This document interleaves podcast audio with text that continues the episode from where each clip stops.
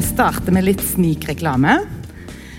Um, for det at uh, jeg er med og har samlivskurs. Uh, og det er ikke noe jeg tjener penger på, derfor kan jeg med stor frimodighet reklamere her. tenker jeg. Vi skal ha kurs igjen til høsten nå for tredje gang. Mange av dere har gjerne hørt om det før, men jeg gjentar det. Uh, det er i Solstein sine lokaler.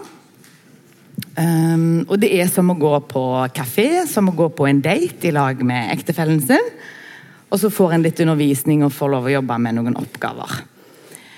Um, og i ei tid som dette så har jeg selv erfart uh, at det er viktig å bruke tid på ekteskapet og på samlivet. Det går ikke av seg selv, og vi trenger å hjelpe og støtte hverandre. Dette kurset er et kristent kurs, uh, men det passer for alle par.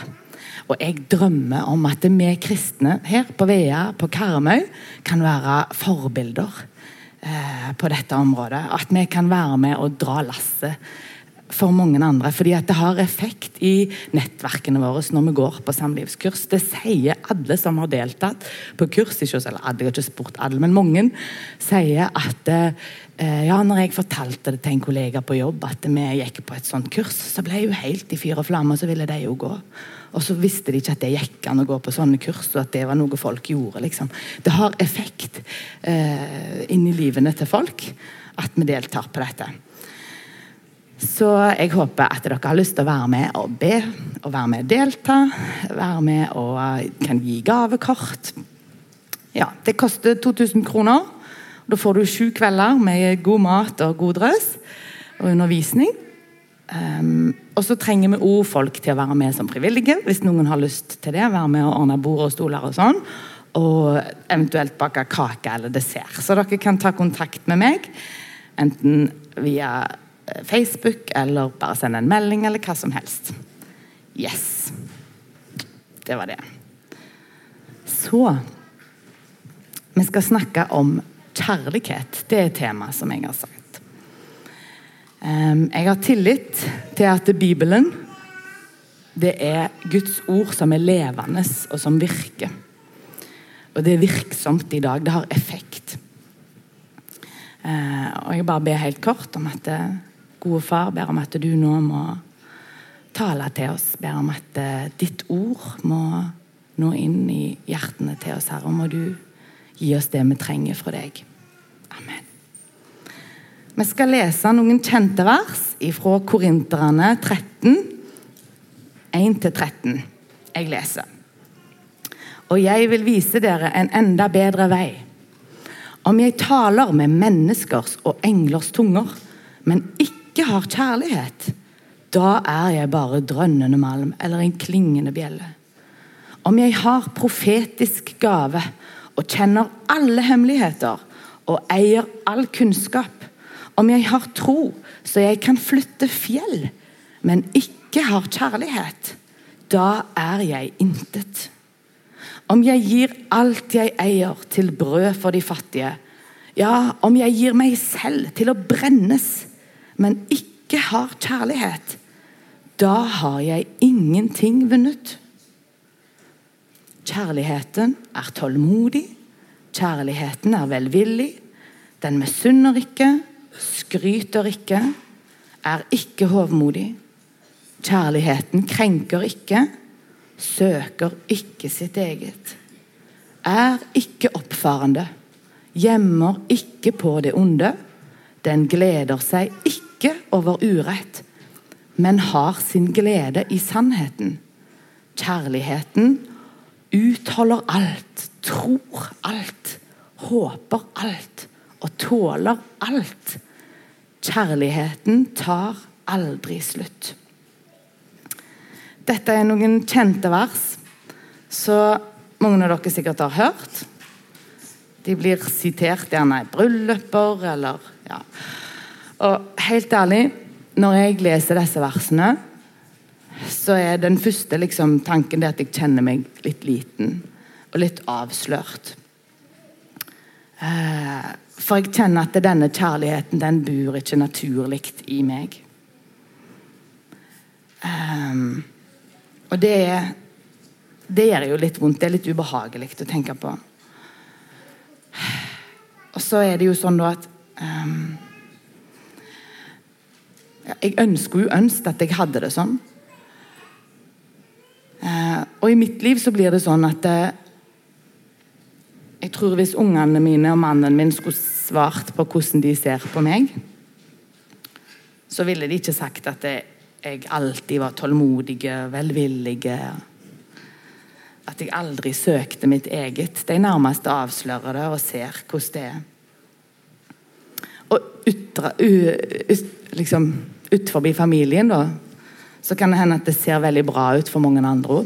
Kanskje at ja, jeg bruker masse tid på bedehuset. og Kanskje noen bruker masse engasjementet sitt uh, i barnearbeidet, eller mange bruker masse av engasjementet sitt i julemessa eller i tjeneste for andre, går på sykebesøk. og Vi gjør liksom mange ting. Kanskje noen går i tjeneste hele tida for familien sin. Tenker at jeg gjør masse bra for de andre hele tida. Men her står det da at hvis du gjør det uh, uten at du har kjærlighet, så er det ingenting verdt. La den henge litt der. Um, det er fire ulike typer kjærlighet. Hvis vi skal prøve å forstå litt hva kjærlighet er. Uh, det er litt ulike begreper, men de fire begrepene som jeg har ramset opp her, de er det som C.S. Lewis bruker i sin bok, og sier at vi finner igjen alle de typene kjærlighet fra gresk og de begrepene som er brukt. De finnes igjen i Bibelen. Uh, den første som står nevnt her, det er storgay. Det er en type kjærlighet eh, som er, eh, handler om kjennskap og beundring. Hengivenhet. på en måte Det samme som når du f.eks. ser en baby. Når jeg blir tante, det er det jeg opplever av babyer nå. Så kjenner jeg en slags en måte fellesskap med den babyen. og Jeg kjenner en hengivenhet. Eh, og det er en form for kjærlighet eh, som er beskrevet her. Um, den andre det er den som heter fileo. Det er vennskapskjærligheten. Broderkjærligheten den finner vi f.eks. i Bibelen gjennom David og Jonathan og vennskapet deres. når det er beskrevet. Å gå i krigen sammen eller å, å dekke ryggen til hverandre. Å være gode venner. Og Begrepet fileo er brukt i romerne.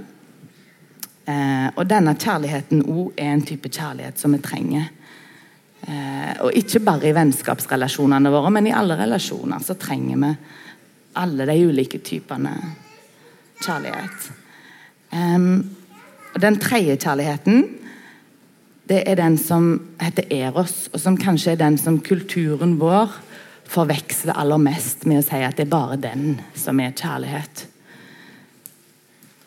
Det er den som eh, står for det som handler om romantikk, forelskelse, og den seksuelle kjærligheten.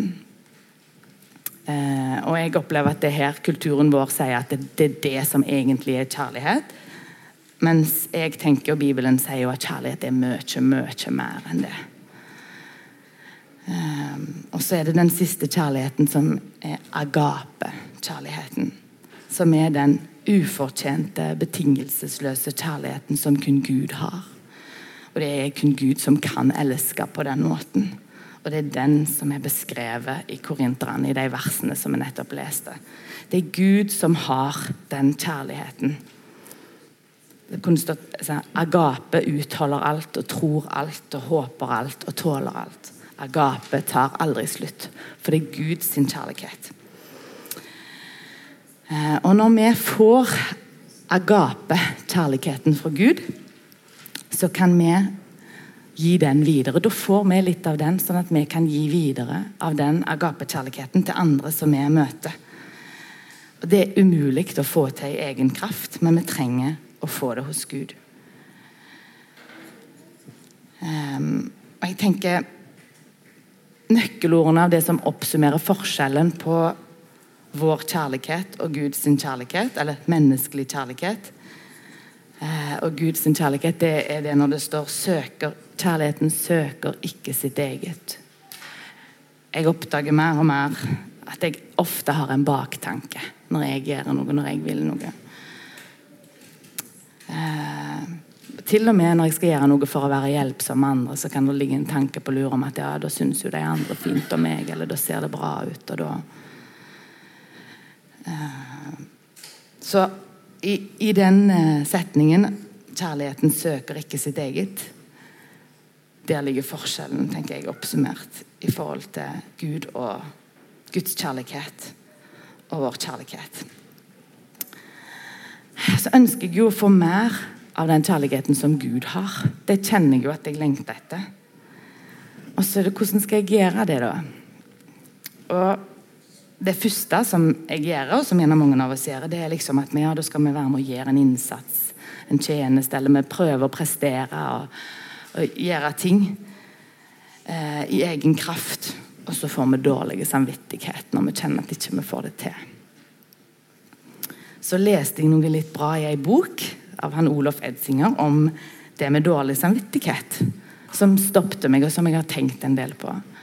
For han sa at eh, dårlig samvittighet overfor Jesus på en måte, Hva er egentlig det? Det kan være det samme som å si at eh, det kan på en måte forstås som at ja, Jesus, jeg vet jo at du har gjort alt, men jeg skulle jo ha gjort litt her, jeg òg. Jeg skulle jo gjerne ha lagt litt til det som du allerede har gjort, Jesus. For at det var vel gjerne ikke helt nok, det du gjorde. Og vi hører jo at det blir feil. Så Det var litt tankevekkende for meg. Det er meningen at vi skal ta imot. Vi skal ikke legge noe til. Vi skal ikke gjøre noe. Ja. Um, I 1. Johannes 4,10 så står det Ja, dette er kjærligheten. Ikke at vi har elsket Gud, men at Han har elsket oss og sendt sin sønn til soning for våre synder. Jesus elsker oss først, og det er et viktig poeng. Nå har jeg et bilde her. Ser dere det? Er det noen som klarer å se hvem det er bilde av, kanskje? Det er det er Jesus midt i bildet, og så er det to damer, og de er søstre. Og De heter Martha og Maria. Og det er sånn at eh, Mange av dere har hørt den fortellingen.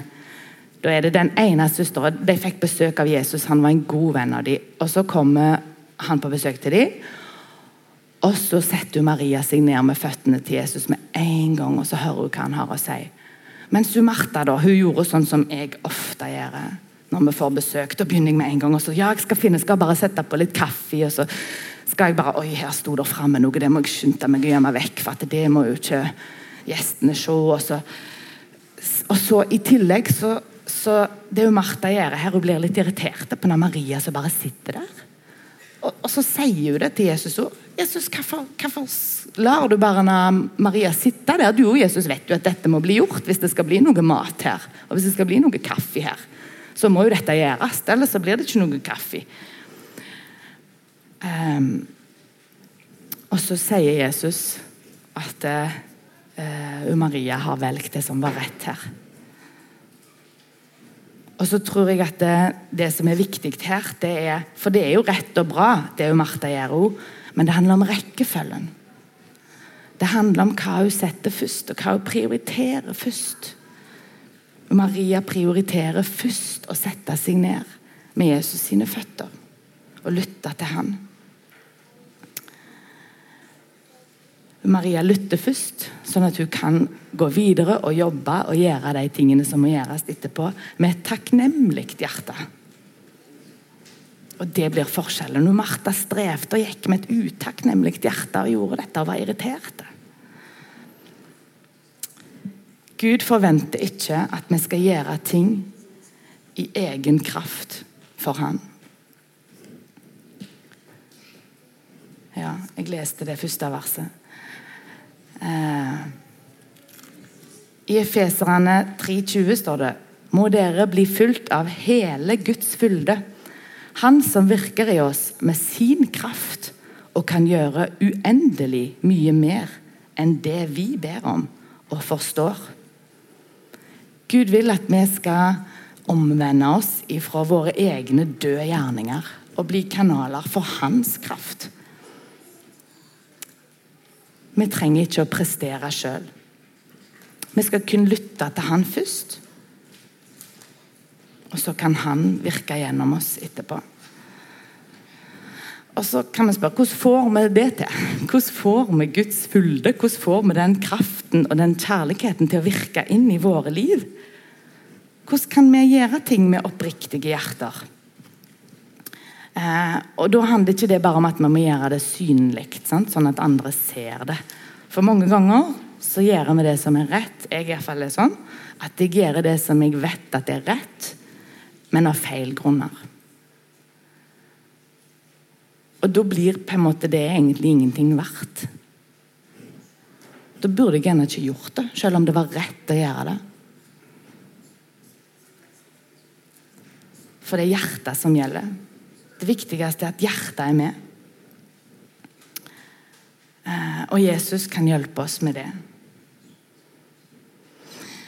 Ehm, og så er det litt hvordan på en måte, vi tror at dette virker. For det er jo på en måte noe eh, det, det, skjer en forvandling inni oss. Bibelen lærer oss at eh, Gud er en hellig Gud. Eh, og det kan være litt vanskelig å forstå, syns jeg. Um, han, er, han, er, mange ting på en gang. Og av og til så er det liksom det blir kryss i hodet vårt og greier å tenke de tingene på en gang. Eh, men for meg er det på en måte logisk at hvis Gud er en allmektig Gud, så begrenses ikke han til å være enten det ene eller det andre, for det er lettest for meg å forstå. Han er alt og begge deler. Gud er hellig. Han er paradoksenes gud, kan du si. I Samuels bok, Hannas lovsang, så beskriver hun eh, flere av de ulikhetene som Gud har, og, og mange andre plasser. Og, kommer dette fram at Gud og både for Gjennom Gamle testamentet og Nye testamentet så ser vi at Gud han er både god og han er hellig. Og han er streng. Han er herre, og så er han tjener. Han er lammen, og så er han løva. Han tar liv, og han gir liv. Han gjør fattig, og han gjør rik. Han lar det rigne over rettferdige og urettferdige, står det. Og i, I Gamle testamentet så var det sånn at eh, når noen skulle inn og, i det aller helligste, der som Gud var, så måtte de rense seg. Det var et svært omfattende ritual. Hvis ikke så kunne de dette dø om hvis de kom for nær paktskista der som Gud var. Så reelt var det, og så hellig er Gud. Og for vår del så kan det bety at hvis vi, når jeg sier til Gud jeg vil ha mer av din kjærlighet, så må jeg på en måte godta at når jeg søker Gud på den måten, så kommer han på sine premisser. Ikke på det som jeg forstår og godtar og syns er greit, men på sånn han er. Og det som skjer når jeg sier 'Gud, jeg vil ha mer av din kjærlighet', så tror jeg at han kommer med sitt lys. Og så trenger ikke det å være så behagelig. For da er det sånn at det som er mørke, det som er av synd i meg, det kommer fram i lyset for ham. Og Det er ikke nødvendigvis en behagelig situasjon å være i. Og Nå begynner vi å snakke om synd. For det som skjedde når synda kom inn i verden, så skjedde det en endring for alle mennesker, og som ligger i naturen vår. At både vi har forlatt den naturlige kontakten med Gud. Det er ikke sånn at automatisk så eh, er jeg i kontakt med Gud. Um, jeg er på en måte født med ryggen vendt mot han, og det er derfor Bibelen snakker om omvendelse. Uh, jeg vil bestemme sjøl. Jeg vil være kongen i mitt eget liv. Det er fordi jeg ikke har den naturlige kontakten med Gud. Vi er blitt fremmede både for oss sjøl og hvem Gud er. Vi forstår det ikke instinktivt automatisk. Vi må vende oss om og søke Han. Og så kan Han vise oss et sant bilde av hvem vi egentlig er. I møte med Gud så kan jeg finne min identitet. Min sanne identitet. Eh, og synda har også gjort at vi er på kollisjonskurs med andre mennesker rundt oss. Vi havner i konflikter i ekteskapene våre, krangler med ungene våre, naboer, og det er krig i verden. vi trenger det, å vende oss om til Gud, sånn at han kan få jobbe med hjertene våre her òg. Og det siste, den siste eksempelet på syndens konsekvens i verden, det er òg at skaperverket eh, Vi menneskene forgriper oss på skaperverket. Og Det siste eksempelet som er mye framme i media, er all den plastikken i havet. Så ser vi hvordan vi menneskene ikke behandler skaperverket på den måten som vi burde. Det er pga. synda. Så tenker du gjerne nå, Synnøve, Hvorfor skal du snakke om den synda hele tida? Sa ikke du at dette var en tale om kjærlighet? Har ikke vi hørt nok om den synda? Hvorfor er det relevant å snakke om synd når vi snakker om kjærlighet? Og da tenker jeg Det bildet fra Bibelen som illustrerer det aller best for min del, det er den kvinna som var oi, i selskap ikke han Simon. Eller Hun var ikke egentlig invitert, hun tror Jesus var i selskap. Ikke fariseeren Simon. I Lukas 7 står dette. Eh, og denne dama var mest sannsynlig det vi ville sagt ei hore. Hun var urein. Så stilte hun seg, sette seg ned med føttene til Jesus, og så griner hun og vasker beina hans med tårer og med håret sitt og kysser føttene hans og smører føttene hans inn med en god salve som hun har med seg. Dere ser Det står ei lita krukke der. Det lukter sikkert godt av den salven. Og så ser Jesus inn i hjertet av Simon og inn i tankene hans og hva han tenker. Og Han tenkte at det, hvis Jesus hadde visst at hvem hun dama var, så hadde han aldri tillatt det der at hun tok på han, og at hun fikk. Og så så er Jesus veldig pedagogisk her og spør liksom hva, Simon, hvem tenker du at det er den som vil elske høyest? Er det en som har fått ettergitt mye gjeld, eller en som har fått ettergitt lite gjeld? Dere har hørt historien før. Han svarer jo selvsagt en som har fått ettergitt mye gjeld. Han vil elske mye. Og så tenker jeg, Hvorfor er det relevant å snakke om synd? når vi snakker om kjærlighet.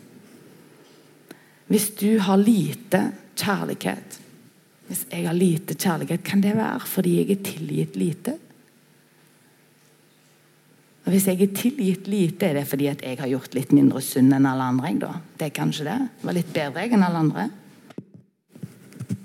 Eller kan det være noe annet? La den henge der.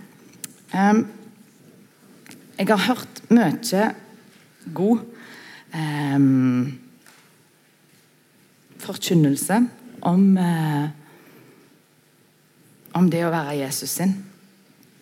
Og jeg syns det har vært befriende godt uh, å oppdage og erfare ting mer. Um, og Denne oversikten som jeg viser dere nå, den har rydda mye for meg. Nå viser jeg en tabell der det står overskrifta er 'Å være rotfesta i Kristus'. Og På den ene tabellen så står det objektivt hva det innebærer å være en kristen. Det er at Kristus er for deg. Og Det gir deg en, en rekke rettigheter. Det står at det da er din stilling, eh, du er tilregna rettferdig.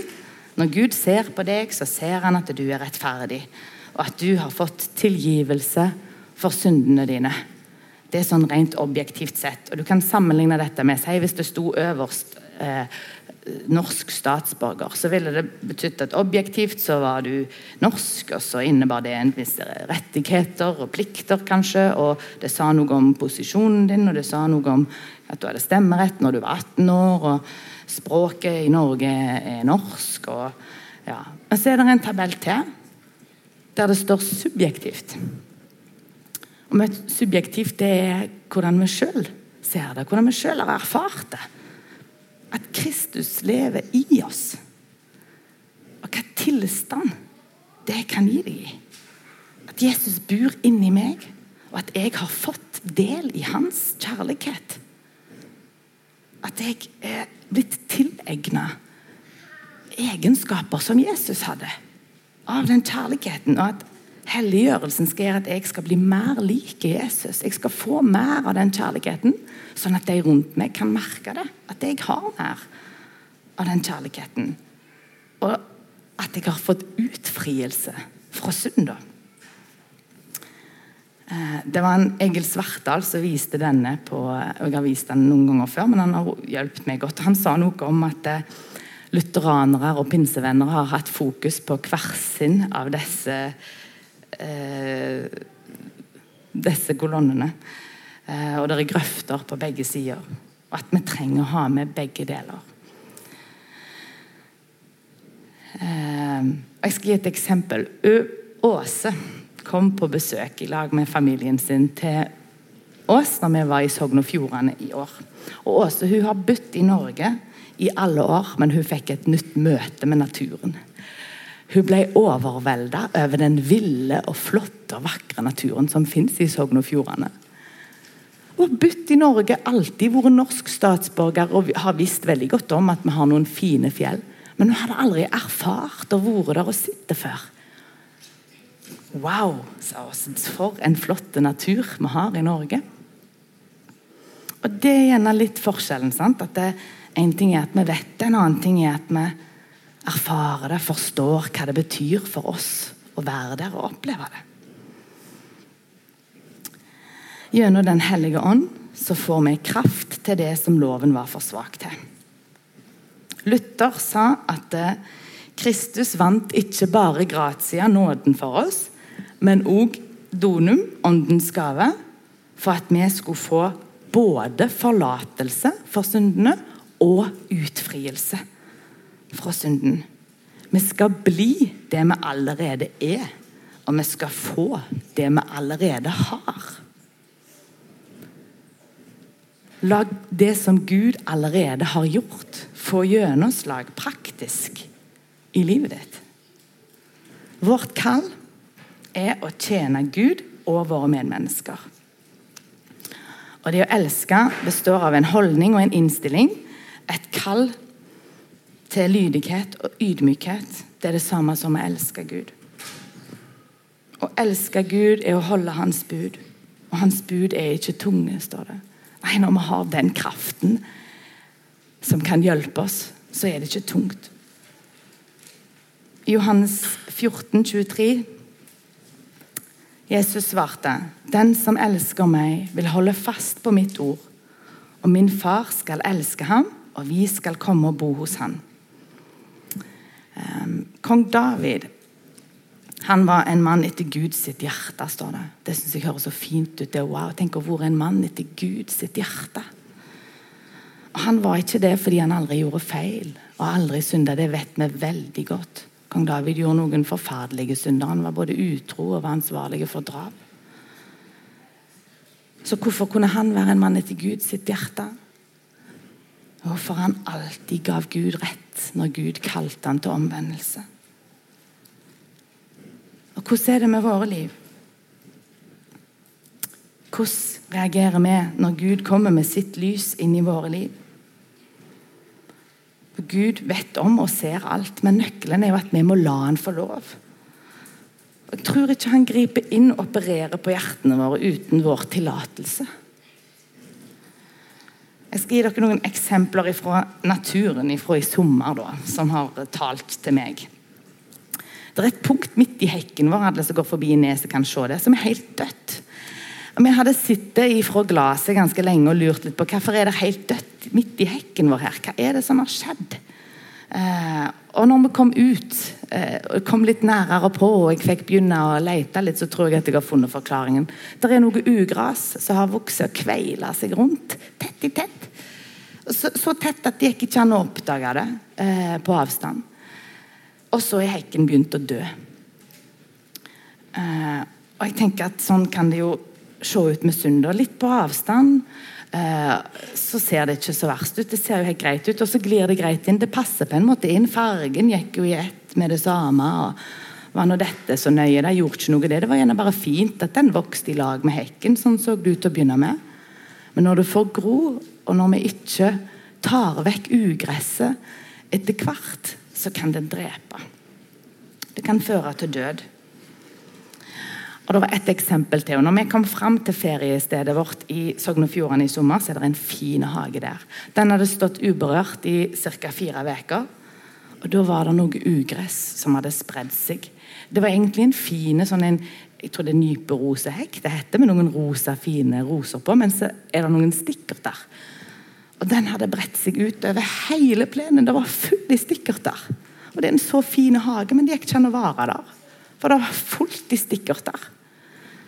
Og så måtte vi til med en svær jobb og begynne å rydde opp disse stikkertene. Og når jeg begynte, tok en liten, så var det et enormt rotsystem under som hadde liksom gått under, under bakken.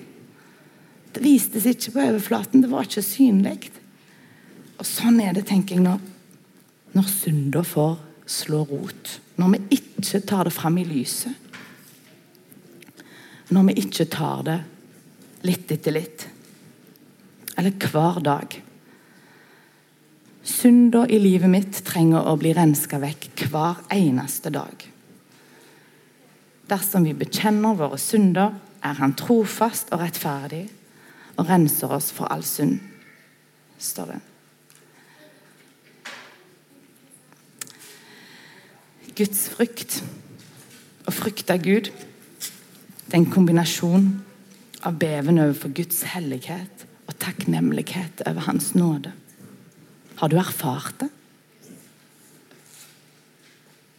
Vet du det?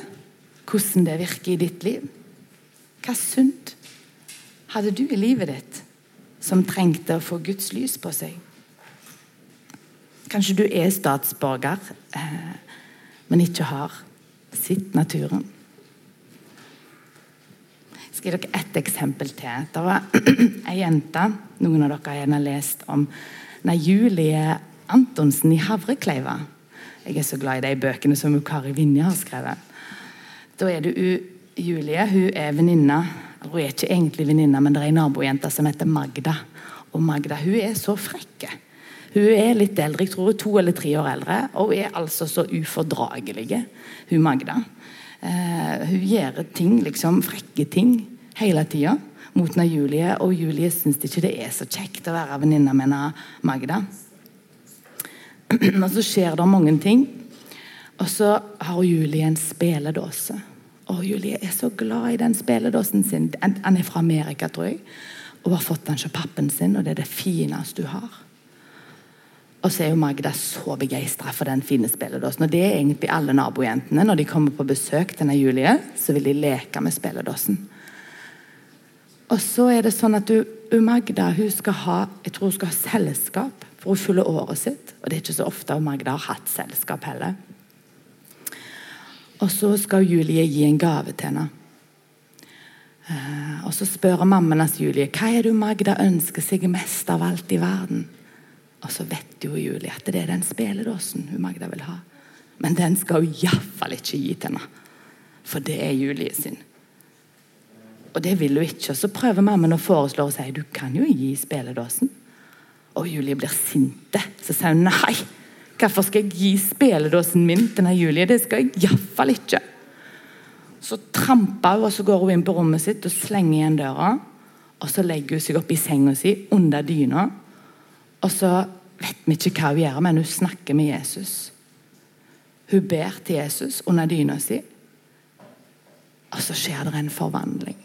For når Julie kommer ut, så har hun kjempelyst å gi spilledåsen sin til Magda.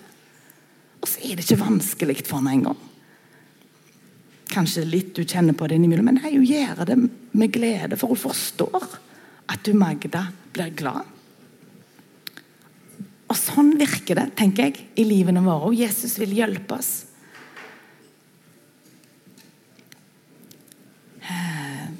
Kraften fullendes i svakhet.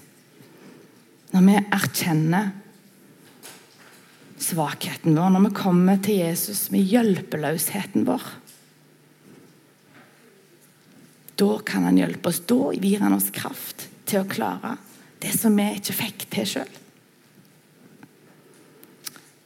Og jeg trenger daglige omvendelse. Jeg trenger å knele daglig og si til Jesus Jesus, du må hjelpe meg. For jeg merker at jeg blir så lett den der som vil bestemme sjøl. Jeg vet liksom så mye best sjøl alltid. Jeg trenger hjelp. Jeg trenger at Jesus møter meg hver dag.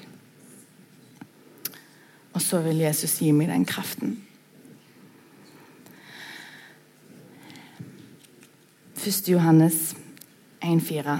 Der er overskrifta 'Gud er kjærlighet'.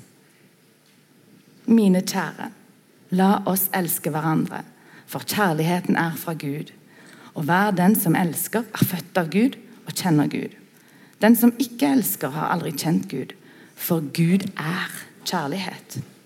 Og ved dette ble Guds kjærlighet åpenbart blant oss. At Gud sendte sin enbårne sønn til verden for at vi skulle leve ved ham. Ja, dette er kjærligheten. Ikke at vi har elsket Gud, men at han har elsket oss og sendt sin sønn til soning for våre synder. Mine kjære, har Gud elsket oss slik, da skylder også vi å elske hverandre. Ingen har noen gang sett Gud, men dersom vi elsker hverandre, blir Gud i oss, og hans kjærlighet er fullendt i oss. Skal vi be. Gode Far, nå kommer vi fram for ditt ansikt. Og vi ber om at du må komme med ditt lys inn i våre liv, Herre.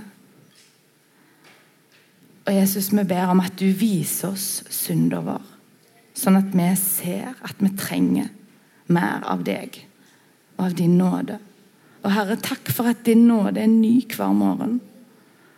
Og takk for at vi alltid får tilgivelse når vi kommer til deg og bekjenner. Herre, takk for at du er rettferdig. Og takk for at du har kjærlighet. Takk for at du er kjærlighet. Og Jesus, vi ber om at du må gi oss mer av din kjærlighet. Hjelp oss å leve livene våre til ære for deg og sånn som du har tenkt. Der som vi er hver og en av oss. I Jesu navn. Amen.